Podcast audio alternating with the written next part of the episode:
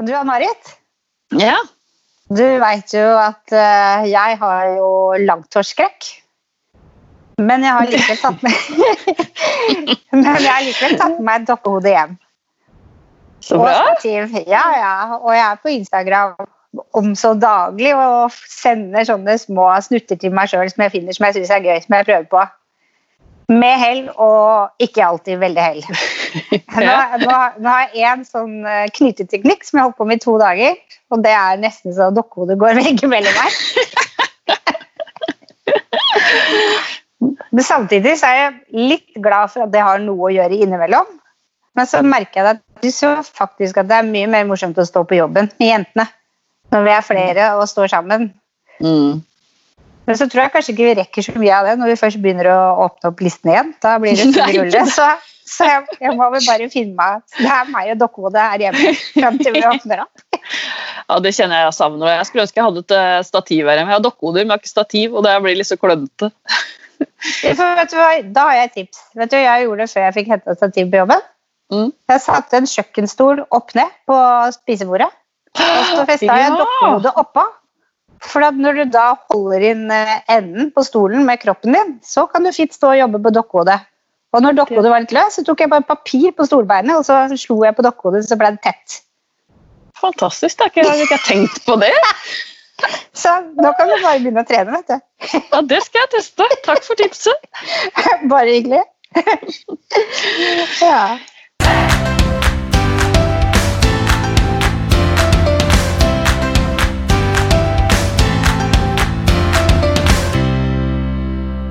Ja, Velkommen til Hårpodden. Jeg heter Ann-Marit. Jeg heter Renate. Ja. Hva er nytt med deg, Renate?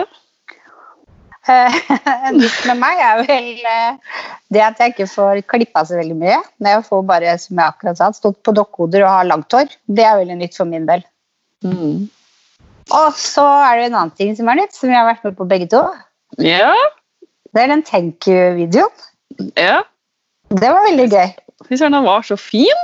Ja, den var det. Ja, Den var kjempefin. Det som lagde opp og det, det, det de snakka om, liksom, og takka for helsearbeidet og takka for uh, frisørene som Ja. Den uh, syns jeg var skikkelig fin. Så glad for at jeg ble med på den. Nei, jeg òg. Mm, og fikk muligheten til å bli på den, ikke minst. Ja. Jeg- Og så tok den muligheten, for den, Alexander la jo ut et innlegg på kun for frisører. Så Mm. alle kunne jo melde seg på det. Ja. Det var ganske Jeg- mange med òg, i hvert fall fra Norge. ja. Jeg syns det var litt sånn rart. Jeg fløy rundt i Slottsparken aleine ja, med sånn takklapp og sånn knipsa bilder som om jeg var en blogger. Men det var gøy, og veldig glad jeg blei med. Ja, jeg, jeg, skrev, han skrev det at du skulle ta landskapsbilde. Så jeg tenkte at jeg måtte ta en bilde i landskap, og så skjedde det greier. Så bare Nei, jeg må ta landskapsmodus på telefonen. og jeg hadde tatt bilde av en åker og greier, og så sier han at det, ja, men eh, det må være landskap, så bare jeg ikke åker i landskapet. Jeg så det! Det var gøy. Er det mulig? Ja ja, det ble et bilde til slutt, da. Ja. Ja, vi er ikke så tekniske av oss. Jeg vet ikke det. Men vi er så heldige å ha med oss en gjest på Skype i dag òg, vi. Eh, dagens gjest holder kurs i Norge og Europa og har jobbet mye med foto og show. Han har et stort engasjement for bransjen vår. Han har også vært nominert til Årets frisør, og i tillegg er han kreativ direktør for den internasjonale frisørorganisasjonen Intercoffee. Og du finner han på Monarki i, i Bergen. Velkommen til oss, Morten Jensen. Tusen hjertelig takk for det. Eh, Intercoffee er det ikke, men Intercoiffør, som da er en internasjonal frisørforening. Jeg er ikke sjefen i en eller annen eh, kaffeorganisasjon. Sorry. Ikke for å starte på feil fot. da. Nei, rett skal være rett. Jeg har en del ulike, jeg har en del ulike egenskaper, men kaffe drikker jeg bare. Ja. Eh, Når det skal sies, så får jeg mye kjeft på måten jeg uttaler det på. jeg også. For de som virkelig kan det, de sier det på en sånn flott fransk måte. Det får jeg. Ja. ja, for det er fransk, det? Eller kommer det derfra? Ja, det kommer opprinnelig fra Paris. Så vi har òg et, et, eget hus i Paris, faktisk, organisasjonen vår. Så det er der hovedsetet er. Ja, ja, ja. Så gøy. Men Kan ikke du fortelle om deg selv? Hvordan starta din frisørkarriere? Frisørkarrieren min eller meg selv? Begge deler. ja.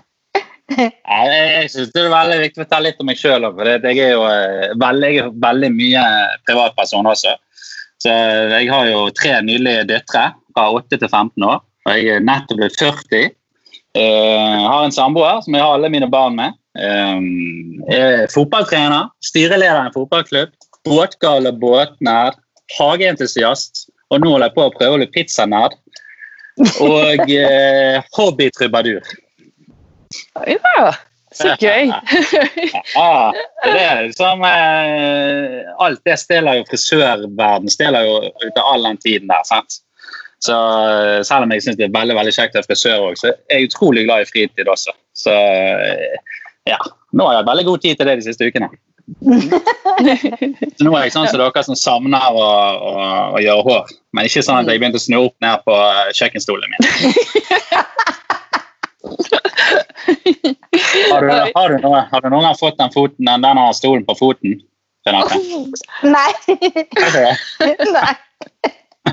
At jeg som driver med sånn, eh, bygger litt ting i hagen, så jeg tenkte det hørtes veldig ustedig ut. Ja, nei, for Når du klemmer den inn på bordet, så har du jo ryggen nede. Og da stiller jeg kroppen inntil ryggen, og da står den stødig. Ja. Så, mm. Nå har jeg bilder, bilder i hodet. yes. Det gjelder eh, frisørkarrieren, den, den, den, er jo blitt ganske lang etter hvert. Når du er 40 år og har vært eh, ferdig utdannet siden du var 19 15 år, så, så er du som veteran å regne. Sant? Så jeg, eh, jeg, begynte egentlig allerede tidlig på ungdomsskolen å, å tenke på å bli frisør av en eller annen merkelig grunn. Veldig mange spør om min foreldre er frisør eller noe, men min far han var i motebransjen. Så jeg begynte liksom å jobbe på lageret i klesbutikken hans, eller der, der han jobbet, da jeg var seks-syv år gammel. Da var jeg glad i å jobbe. Tjene penger, ikke tjene penger sånn, men liksom klare meg sjøl. Og så På ungdomsskolen så jeg var ikke så veldig glad i å studere. Selv om jeg ikke var dårlig student, men jeg var ikke motivert til å bare studere norsk og samfunnsfag og engelsk. og alle de tingene der. Så jeg var veldig glad i gym og mopedundervisning og sånne ting. Men uh, det var ikke veldig motivert å gå på skole. Jeg var faktisk en av de første guttene som valgte porselensmaling i, i valgfag. Uh, eh, for jeg skulle ha EDB, så hadde ikke skjedd noe fra året før i valgfag. Så da, da kunne ikke jeg ha EDB ett år til. Så det var liksom valget elektronikk eller uh, tegning form og farge eller hva det var. Nei, sånn sløyd var det. Så tenkte jeg, jeg har ikke lyst til å gjøre noen av de tingene, så jeg velger porselensmaling, for der er jo alle damene. så etter jeg har gått der et halvt år, så var vi plutselig fem gutter der, for alle skjønte at jeg har gjort et genistrek.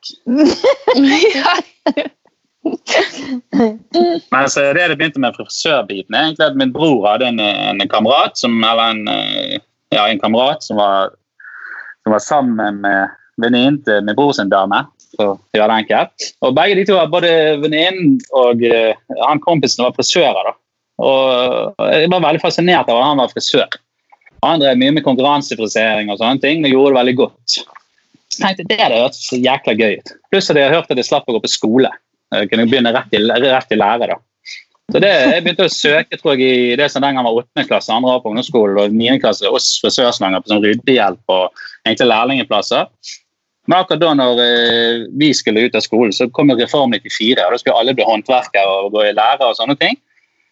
Så da måtte jeg gå to år på skole. Og så gikk jeg to år, to i, to år i frisørlære. Og Den gangen var det vel ingen som hadde hørt om privatskoler. Jeg tror Adam Eva hadde en, en, skole den gangen også, men det var liksom ikke et tema. Men jeg var veldig bestemt på det, men jeg husker jeg var ganske flau over å fortelle det til noen. For det var jo ikke akkurat, Alle kompisene mine var jo tømrere og Mask og Mac og alt sånne ting. Sant? Men det var jo ikke jeg litt interessert i engang. Jeg hadde en far som var i klesbransjen, og vi, han kunne, vi hadde aldri stått og gjort noen sånne ting i hagen. og sånne ting. Så, så jeg eh, mote eller fotograf for sånne ting var det jeg eh, så etter. Da. Så begynte jeg på det som i dag heter designhåndverk. Og så gikk ferden videre. og Jeg var veldig, jeg var veldig målbevisst, for jeg skrev stil om det til og med på, i norsken. Om at jeg skulle bli like god som han kompisen til min bror. Eh, vinne NM og VM, alt som han gjorde i Eller han vant vel ikke VM, men han, gjorde det veldig godt. i. Så jeg har vært veldig målbevisst på det. Og i den i dag i dag så er jeg faktisk fadder for han i Intercoiffør. For han eh, er blitt medlem etter meg. Så jeg er fadderen hans i Intercoiffør.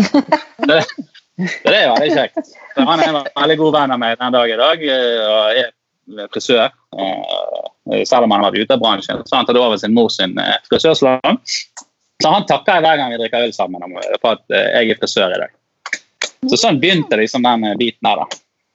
Ja, det var en fin historie. Hvem er Mhm. kompisen din? Nå er jeg bare litt nysgjerrig. Ja, han heter Helge Hegernes. Jeg jobbet i Fixit i mange år, og så ja, var jeg en veldig flink konkurransefrisør. Og så etter hvert så kjøpte han opp moren sin salong og driver nå her på Askøy utenfor Bergen, som, som jeg bor da. Så vi er nesten naboer den dag i dag. Så han har mye sammen, mye med å gjøre. Så det er en litt sånn artig historie. Han er litt sånn irritert på at jeg er fadderen hans nå, selv om selv om han er eldst, eldst og smartest, sikkert. Hvor han er. Men du, du, da har du drevet med konkurransefisering. Hvilken gren var du? Nei, jeg begynte egentlig, jeg begynte på skolen, jeg på yrkesskolen, så var jeg med på herrebiten. Og jeg tror jeg kom på bronseplass på delt, eller samme poeng som andreplassen. Og etter det så, så vant vi lagkonkurransen. Og etter det så har jeg aldri konkurrert. oh ja, du, har, du har konkurrert én gang? Ja, Jeg ga meg nesten på topp. Jeg. Ja. like greit. Jeg jeg, jeg lurer på om jeg var med i Bæringsmesterskapet, men fikk ikke til. Og så, og så ga jeg. Egentlig så begynte jeg å få mye mer interesse for eh, kursbiten. Det er alltid, liksom, når jeg begynte i bransjen, så var det det jeg skulle begynne med kurser, show og den biten. da. Så det var det som ble liksom min, eh, min målsetning, og det som jeg eh, har jobbet hardest mot. Så det, det, ble, det ble den store lidenskapen, kan du si. I tillegg til å stå i salong, egentlig.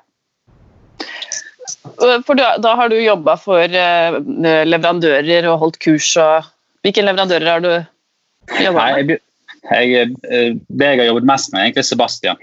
Eh, Helt tilbake til jeg var tror jeg, ja, begynnelsen av 2000-tallet. Jeg var helt nyutdannet frisør. Så var Sebastian egentlig eh, importert av et firma egentlig Bergen. Uh, og så fikk jeg gjennom jobben min da muligheten til å begynne å holde kurs. Jeg var veldig urutinert og ble sendt ned til Tyskland for å, å bli godkjent der nede. Jeg vet ikke om jeg ble det engang, for jeg var så jævla nervøs at jeg kan ikke huske Det var sånn, det satt fire stykker med blokk foran deg og bare så på deg opp og ned og nikket litt på hodet og tenkte hva er, hvorf- hvorfor er han fyren her? Så står jeg siden av en super, superstjerne. Verden. Jeg er en sånn 22 år gammel fyr fra Askøy utenfor Bergen. Så, men eh, det ordnet seg, det. Så holdt jeg mye kurs eh, den gangen rundt om i Norge. Og så ble det skiftet hender over til eh, Bella som tok over det. Og Da var jeg litt ute en stund, og så kom jeg tilbake igjen og jobbet uh, i veldig mange år med ansvar for uh, klippekolleksjonene og, og styling og sånne ting. Da. Så vi gjorde jo egentlig alt fra uh, ja, klippetekniske ting, veldig mye knivbruk og sånne ting, som var en felles kolleksjon som vi delte over hele verden eh, i de ulike landene som vi hørte til. Og så var vi hentet det i LA eller i Tyskland eller hvor det måtte være rundt om i verden. Så da jobbet vi i et team der ganske fast sammen som, eh, med Torstein Lorentzen og en som het Snorre, jeg husker ikke etternavnet hans. Så vi var mange, og etter hvert så de ble sluttet, så ble jeg værende, så jeg jobbet med veldig mange inni Sebastian. egentlig da. Da gjorde vi alt fra å klippe kommersielle klipper til å gjøre sykeste avantgarde-tingene uh, ukentlig egentlig rundt om i Norge. Så det var veldig, veldig kjekt. Jeg husker, når, jeg husker når Sebastian kom til Norge, så hadde de en sånn eh, gimmick med at de skulle gi så og så mye penger til Regnskogen ved støtte av Sting. Ja, stemmer det. Og da Eh. gikk de, også, de gikk også ut og sa at kundene kunne levere tilbake tomme flasker til frisørene som hadde de. For så skulle det bli resirkulert et eller annet spesielt sted. Ja, det, det, jeg, jeg husker det òg, men jeg husker ikke detaljene i det. Jeg bare husker at jeg ble stående med en sånn svart, stor søppelsekk full med flasker. Jeg tenkte, hva skal jeg gjøre med det? Det var ingen, ingen som hentet det. Nei, det var ingen som henta det.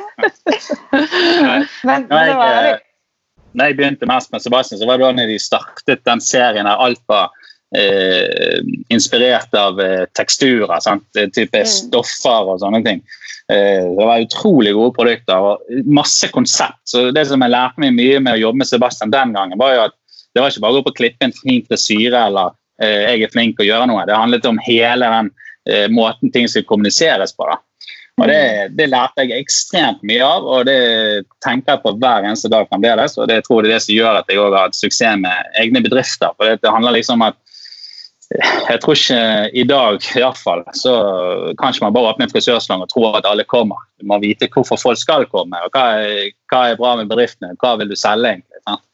Så det, det, har vi alltid gjort til Sebastian, og det har jeg tatt med meg videre inn i alt jeg holder på med. Fra fritidsting til til ja, business. Så det, Sebastian den gangen var ekstremt bra, og det er gode produkter den dag i dag. Men man merker jo selvfølgelig at det er blitt litt mer kommersielt. Mm. Syns jeg. Men når du snakker om bedrifter eh, Du har jo salong nå også. Hva er konseptet til salongen din?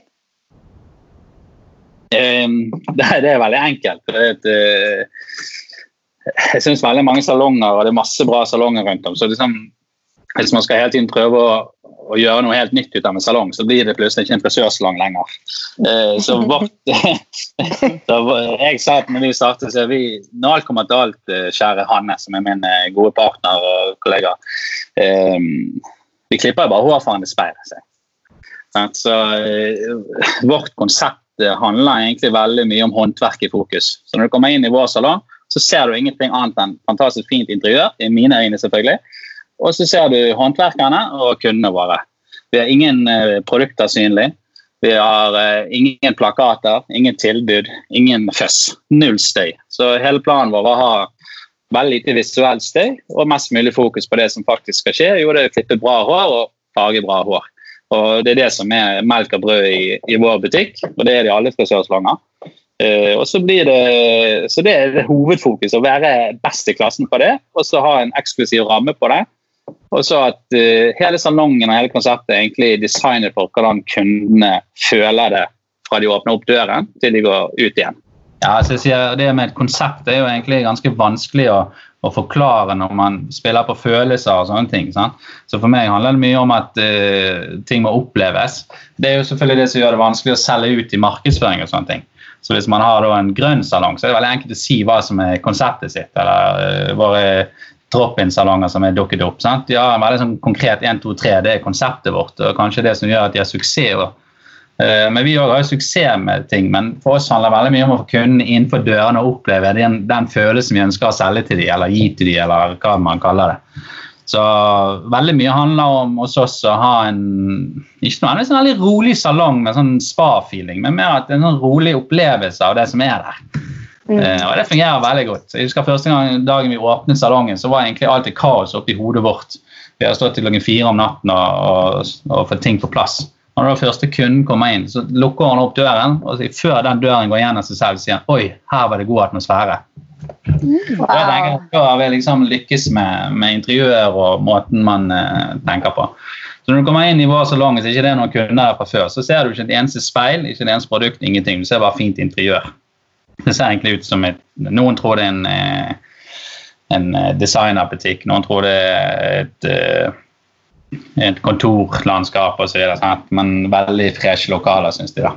Så vi har faktisk kunder som kommer inn bare for at de syns det ser så fint ut.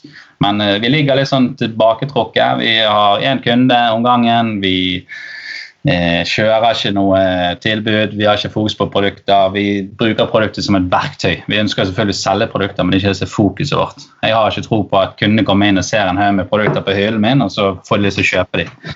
Eh, så hele poenget er at vi skal skreddersy den opplevelsen og den eh, kunnskapen til kundene, og så kommer verktøyet fram når vi har lyst til å selge noe til dem. Så det er en sånn, egentlig bare å spille videre på de tingene som veldig mange i bransjen gjør, med å ha god kvalitet i alle ledd. Men har dere liksom noe sånn at eh, de ansatte skal gå gjennom noe opplegg for å bli best mulig? At dere har treningskvelder og sånne ting, eller er det liksom Er dere bare genuint interesserte alle sammen, eller åssen er det dere har det? Ja, jeg tror kanskje mer det. det men vi er jo ikke en stor salong. Vi, vi har ikke planer om å bli kjempestore eller mange salonger. Vi, vi har i dag akkurat utvidet litt i fjor, så vi har ni arbeidsplasser. Så vårt mål er egentlig bare å ha eh, de vi vet er gode. Ja. liksom av liker måten vi jobber på. Så akkurat nå så jobber vi bare med folk som, uh, som vi kjenner fra tidligere. og vi, Jeg trenger ikke ha treningskvelder med dem, for de er gode nok. og Det handler mer om å gjøre aktiviteter gjennom året, reiser, uh, årets frisør, alle sånne ting som gjør at vi holder oss motiverte og, og uh, oppdaterte. egentlig da. Så jeg vet at de er veldig faglig sterke. Hvor mange er dere? Vi er, nå er vi fire stykker. Fire? Ja, så vi, vi, har vært et par til, men vi har en som dessverre fikk eh, problemer med skuldre. Eh, men som egentlig skulle flytte hjem til hjemstedet sitt uansett. Og så har vi en som er gått over i salg, faktisk. Så vi var oppe i seks stykker. Men vi, når vi startet salongen, så var det egentlig budsjetterte vi alt med at vi skulle kunne overleve bare vi to som eier salongen. Vi skal ikke være avhengig av å ansette noen bare for å ansette noen. Bare for å holde åpningstiden eller hva som helst.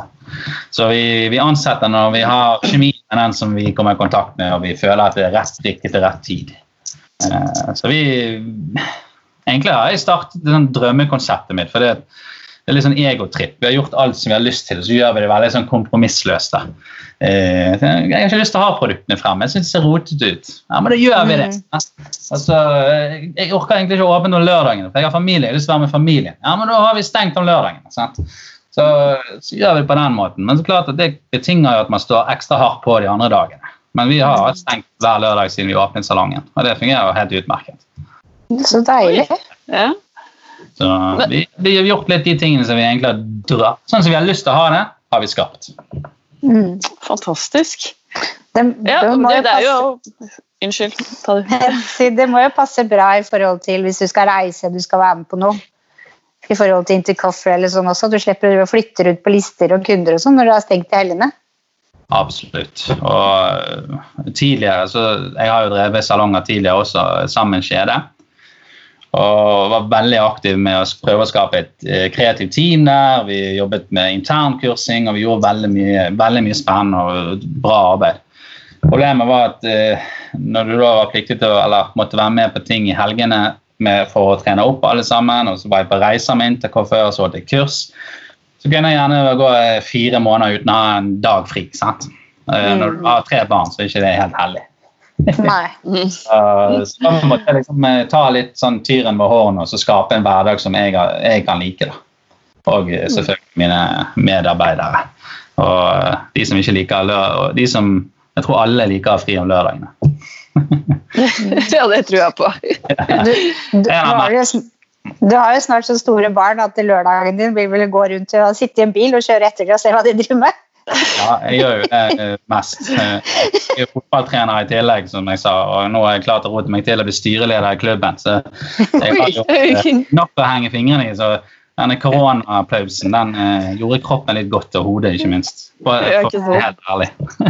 Mm. det er litt travle dager til tider.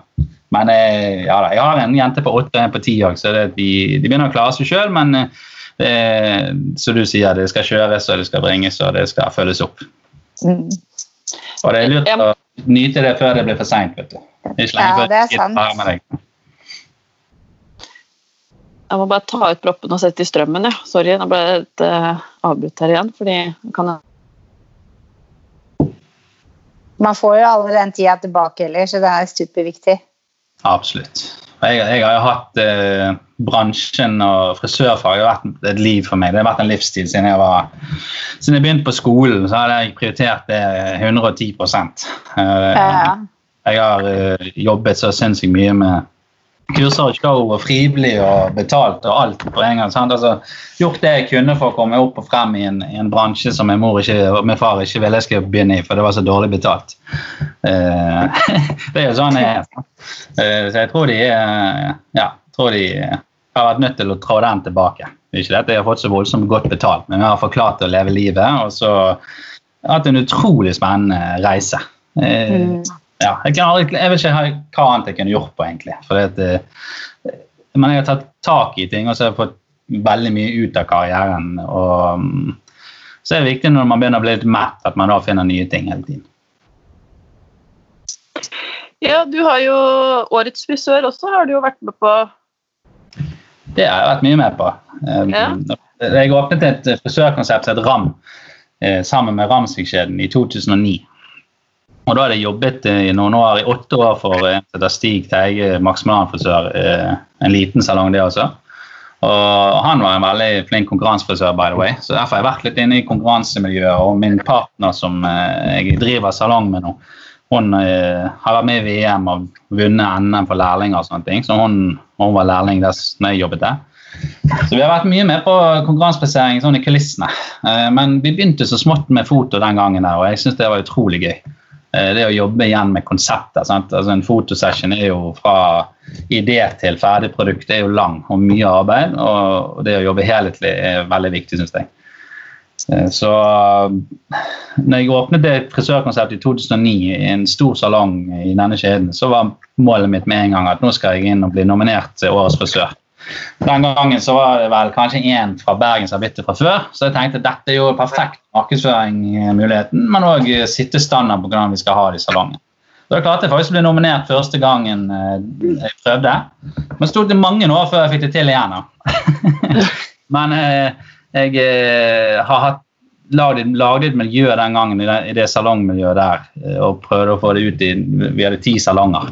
Så jeg lagde et opplegg der alle som hadde lyst til å være med oss frisør, fikk lov til det. Og så hjalp vi på vei.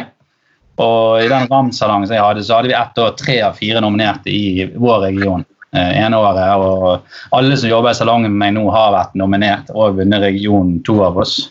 Eh, så vi har hatt veldig fokus på det og hatt suksess med det. Så det er veldig gøy. Og hva, hva, hva er hemmeligheten? Hvordan går det fram? Nei, det er jo bare god smak, det. Mm. Ha god smak og være flink og få det over i hår. Og, men det viktigste er jo hele helheten. Sant? For meg er modeller kanskje det viktigste. Og det vanskeligste. Og det å finne gode nok modeller som har lyst til å gjøre det som vi ønsker å gjøre. Jeg er jo veldig glad i å klippe og korte hår og sånn. Jeg har gjort veldig mye langt år før. Men eh, ja. Så det å finne modeller som spesielt ønsker å være med på klipping, er jo utrolig vanskelig i disse dager i hvert fall. Mm. Og så er det å ha gode folk rundt seg. Jeg er veldig opptatt av å la de som er gode på noe, få lov til å være gode på det. Fotografer f.eks. Gi dem frihet under ansvar. Og så uh, bringe inn riktige mennesker på riktige hårene, bl.a. Når vi har jo jobbet mye team før. Så jeg er veldig glad for den nye uh, kategorien som forbundet kommer med, noe som heter Årets kreative team. Jeg synes Det er en genial greie som jeg har pushet på i de kanalene jeg kunne. For det, det, å jobbe som et team gir så utrolig mye mer enn å én og én prøve å konkurrere internt i salongen og med resten av Norge. Så, men gode modeller, gode håndverkerkunnskaper og kreativitet, og så god smak. Og så planlegging. Det er oppskriften. Ja. Vi snakka så vidt om det i stad, nå vet jeg ikke om jeg skal tørre å si det ordet en gang til. Ja. Men kan vi snakke litt om Intercofil? Det kan vi. Det var veldig bra. Nå ler han meg. hvordan, hvordan ble du medlem der, og hva er det?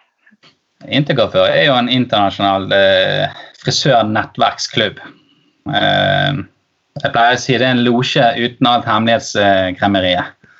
Så egentlig er det bare en nettverksklubb som en gang var for damefrisører, men nå er for alle. Eh, men hvordan man blir med, er jo mer eh, jeg ble med, er jo en anbefaling fra en som allerede er medlem.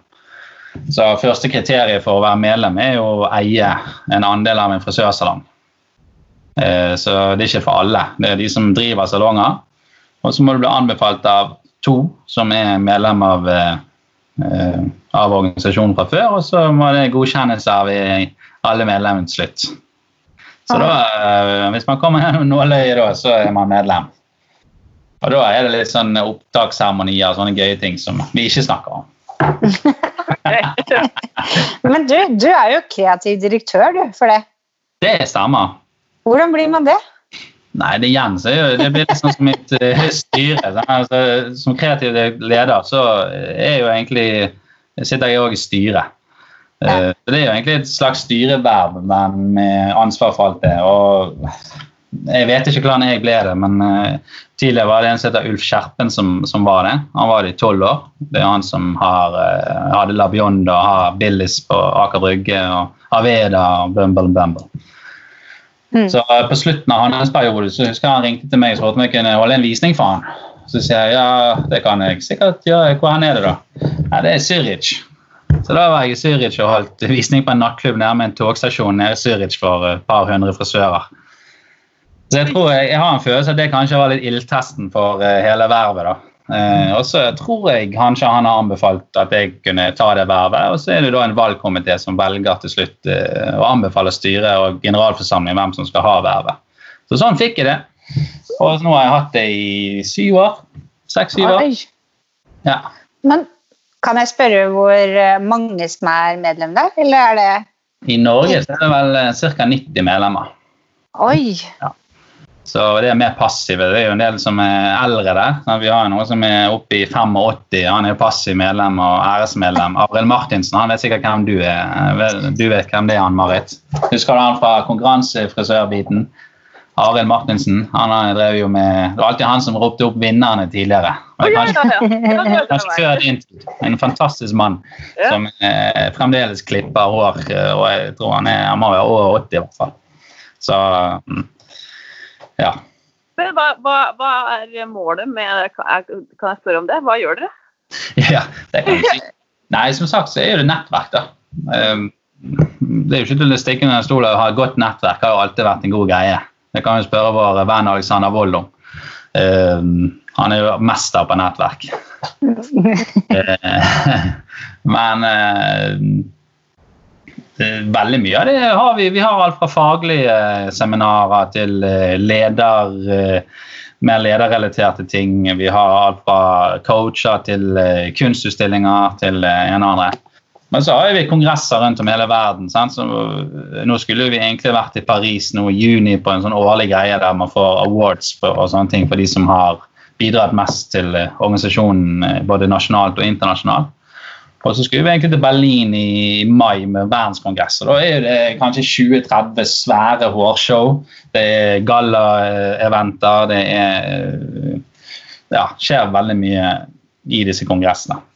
Så det, Vi har jo en nordisk kongress vi hadde i Oslo. og Det var første jeg gjorde. Det var stor nordisk kongress i Oslo. Så da er det gjerne 200-300 mennesker som kommer reisende fra hele verden for å, for å se på hårshow og delta i møter. og foredrag og alt som man, eh, som man finner på. da. Så man blir kjent med rett og slett frisører fra absolutt hele verden. Fra Australia til eh, Nord-Norge. Så det, det, er en fantastisk greie når du først kommer inn i det. Det høres veldig lærerikt ut, da. Ja, det gjør det. Så gøy. Mm. Du møter folk på et litt annet nivå. Sant? enn Hvis du treffer folk på et Vella-kurs, så sier du hei, jeg har mm. litt å se på de samme tingene, mens her er du gjerne en hel helg i Roma sammen. Sant? Så treffer du folk igjen og igjen. Til slutt så blir du kjent med han fra Japan, selv om du ikke kan snakke med han. Du er på hilsen. Og hvis du har ambisjoner om noe i utlandet, så hvis du har denne stjernen, Intercoiffeur-stjernen, som vi her skal gå med når, eller skal gå med når vi er ute blant frisører, så kan jeg møte opp i en intercofførsalong i hele verden og si hei, kan du vise meg rundt og fortelle meg om driften din. Så det, kan, eh, det er uante muligheter med det. da. Eh, Sjøl har jeg stått og hatt visninger i Paris f.eks. med full sal i smoking og gallakveld, og du har gjort fotoshoot først uh, og presenterer bildene på scenen. Uh, stor produksjon med enorme modeller, proffe stylister og klær ut av en annen verden. Sant? Så du får uh, være med på ting som du nok ikke hadde vært med på som en vanlig kar fra Askøy. Søren. Så det, nei, det, er veldig kjekt nettverk å være en del av. Ja. Det vil jeg tro. Ja. Så det er bare å få dere noen andeler i Studio Alf, så vi kan få dere inn i Det må være målet. ja, ja, det er målet. Har du noen tips til unge frisører der ute som vil opp og fram? Som deg. Som deg, ja. Som deg, ja. Jeg, jeg, har alltid hatt den filosofien at uh, hvis du vil bli best, så må du holde deg med de beste. Så jeg har alltid hoppet eh, litt fortere over gjerdet enn jeg kanskje klarer. Og så hoppe litt ut i det. Sant? og Litt ut av komfortsonen. Jeg er veldig opptatt av det egentlig i det daglige òg. Jeg hadde jo tidligere ansvar for nærmere 30 ansatte. og Det å pushe folk litt ut av komfortsonen det er kanskje både det vanskeligste du gjør, men det viktigste du gjør.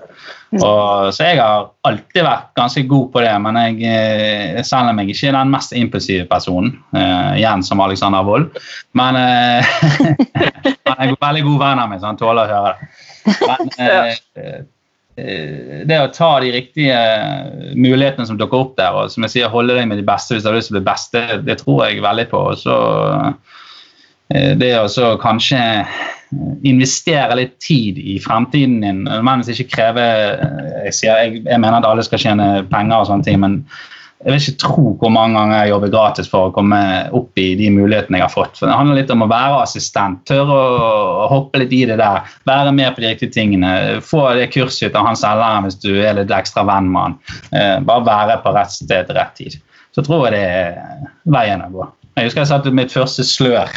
satt jeg på eh, og Da var jeg lærling. Satt mitt første slør på en brud som skulle akkurat til å gå inn på scenen på en brudevisning i Grieghallen i Bergen foran 500 mennesker. Så sånn leter jeg å få et slør.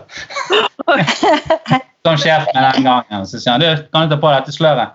Så sier han jeg har aldri tatt på et slør før. Ja, få det bare på. Så danderte jeg litt og sendte han ut. Og det, alt går.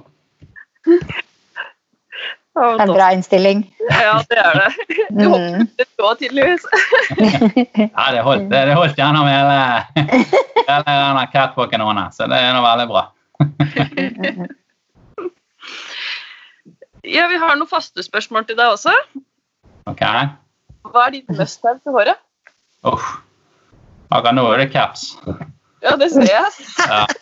Det er helt utrolig. Jeg har sånn hår som stikker rett ut. så Mitt største must for håret er å bare få klippet det regelmessig. Ellers er det bare sjampo og voks, altså. Jeg har ikke en sånn én eh, fast jeg må ha.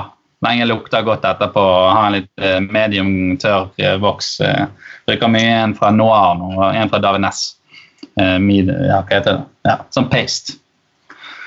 Så vi gutter er jo ikke kanskje de som har største ritualet på på den biten der. Og så en skjeggpost og en skjeggolje, så, så, ser jeg strålende ut i mine øyne. så bra. Og hva inspirerer deg? Hva sa du nå? Hva inspirerer deg? Inspirerer meg?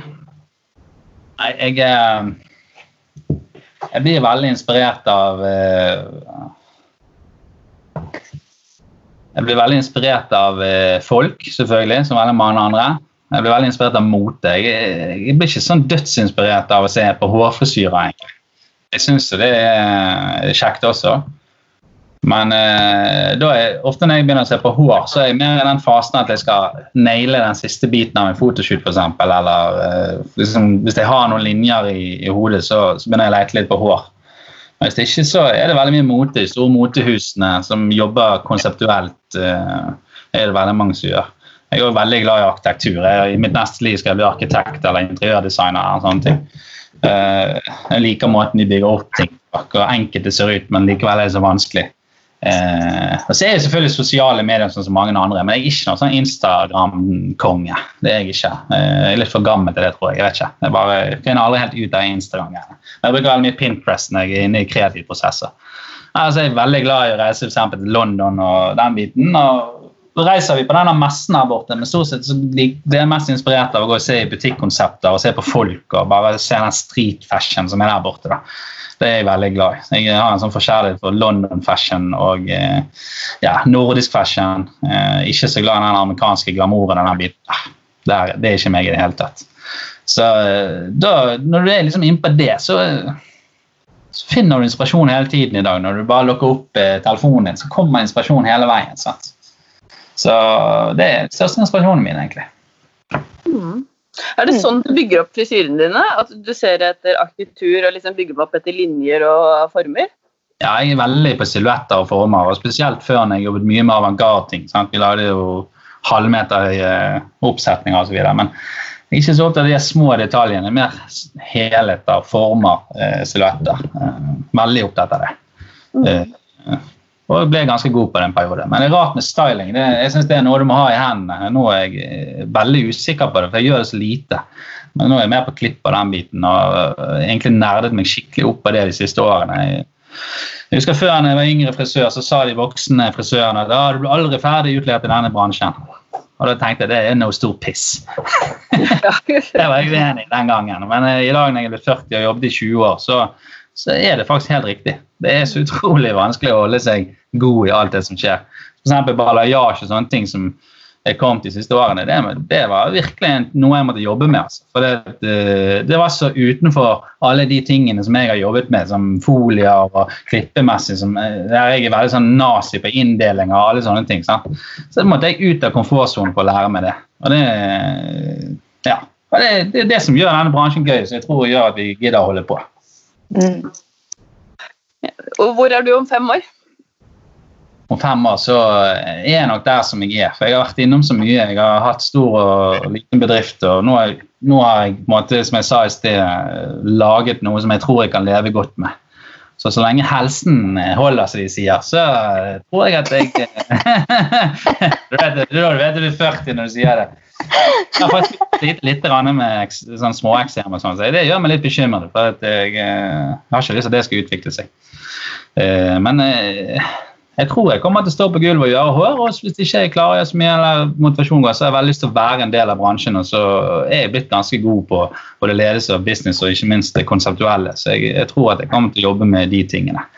Men målet vårt er ikke å, vokse til flere salonger. Jeg tror overetablering i bransjen eh, det er et begrep som vi må forholde oss til. Det, det er det blitt. Så egentlig det å åpne en frisørsalong i, i 2017 som vi gjorde, det, så jeg sa, det er verdens verste businessidé. Eh, egentlig. Men eh, vi følte vi hadde noe så unikt å komme med, iallfall i Bergen, at eh, vi mente det var rom for det.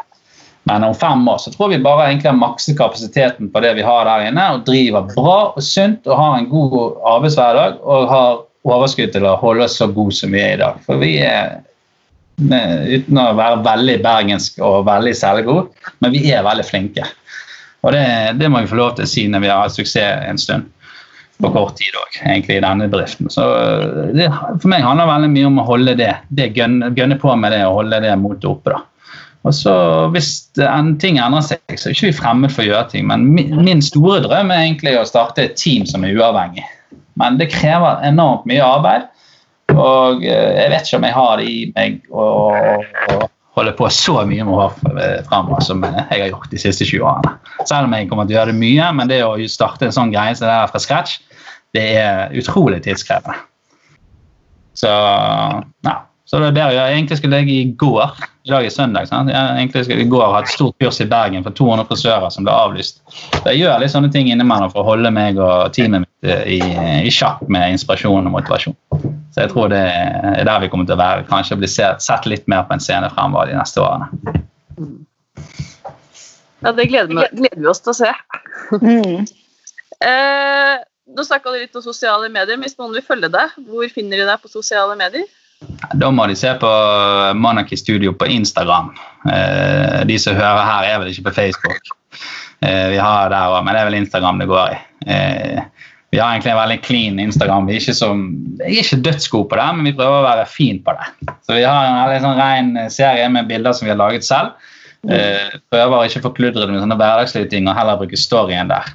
Så vi hadde en plan nå egentlig rett før alt dette her skjedde med koronapandemien, å bli enda bedre i sosiale medier og egentlig markedsføring. Eh, allerede etter tre år så går vi inn for å fornye hele profilen vår litt. Grann få ny drakt, så vi sier. Sånn, skifte ut eh, noen elementer som gjør at vi blir eh, enda mer sexy ut mot folket. Så det, det er kanskje der òg, på ditt forrige spørsmål, går vi om fem år, så tror jeg vi er enda mer profesjonelle i, i, uttrykket vårt og, og, trigger litt eh, kundene våre med å være litt annerledes enn det alle andre frisørslanger er. Eh, noe som vi allerede gjør, men fortsetter det grepet der, da. Men Monarchy Studio på Instagram er vel kanskje der vi ser best ut. Min, min, personlige profil det, den er helt elendig. Den bare sier 'gå inn på Monarchy Studio'. Så greit. Jeg har ikke, ikke planer om å bli den nye Lotte Myrseth, for å si det sånn. Nei. Nei, Selv om hun er fantastisk og jeg, all ære, og jeg er utrolig imponert over hvordan eh, hun og mange andre med, med seg har, har, fått til å lage den suksessen de har. Men det var før min tid. Eller jeg var litt før den tid. Så jeg tenker på Hvis vi hadde hatt sosiale medier den gangen jeg var, holdt veldig mye på, så hadde vi hatt masse innhold. i hvert fall. Mm. Ja.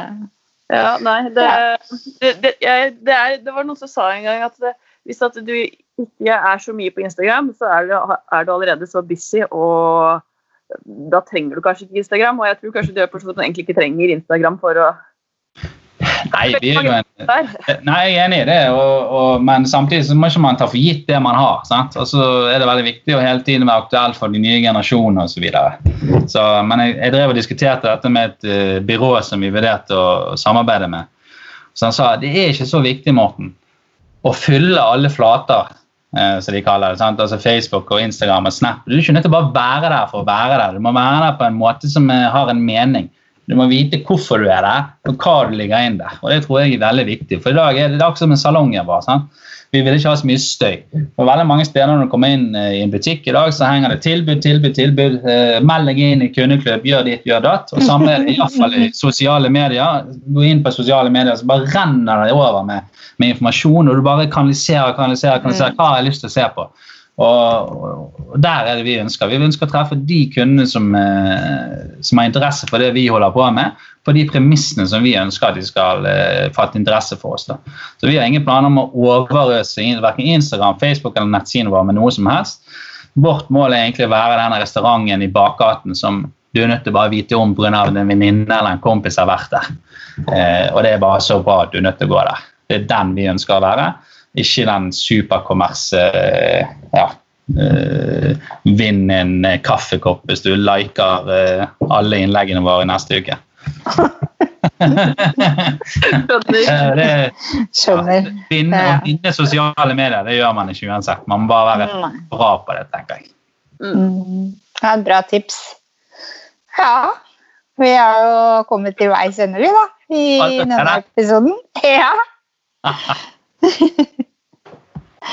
Men uh, vi må jo si tusen takk, da, Morten. Det var kjempebra. Kjempeinspirerende episode.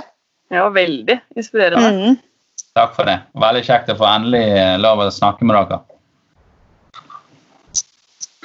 Og følg oss gjerne på våre sosiale medier.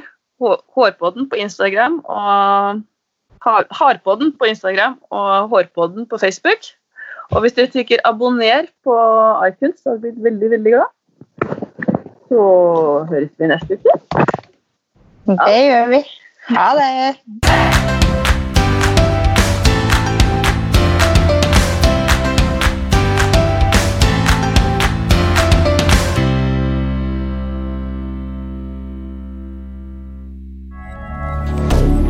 Moderne media.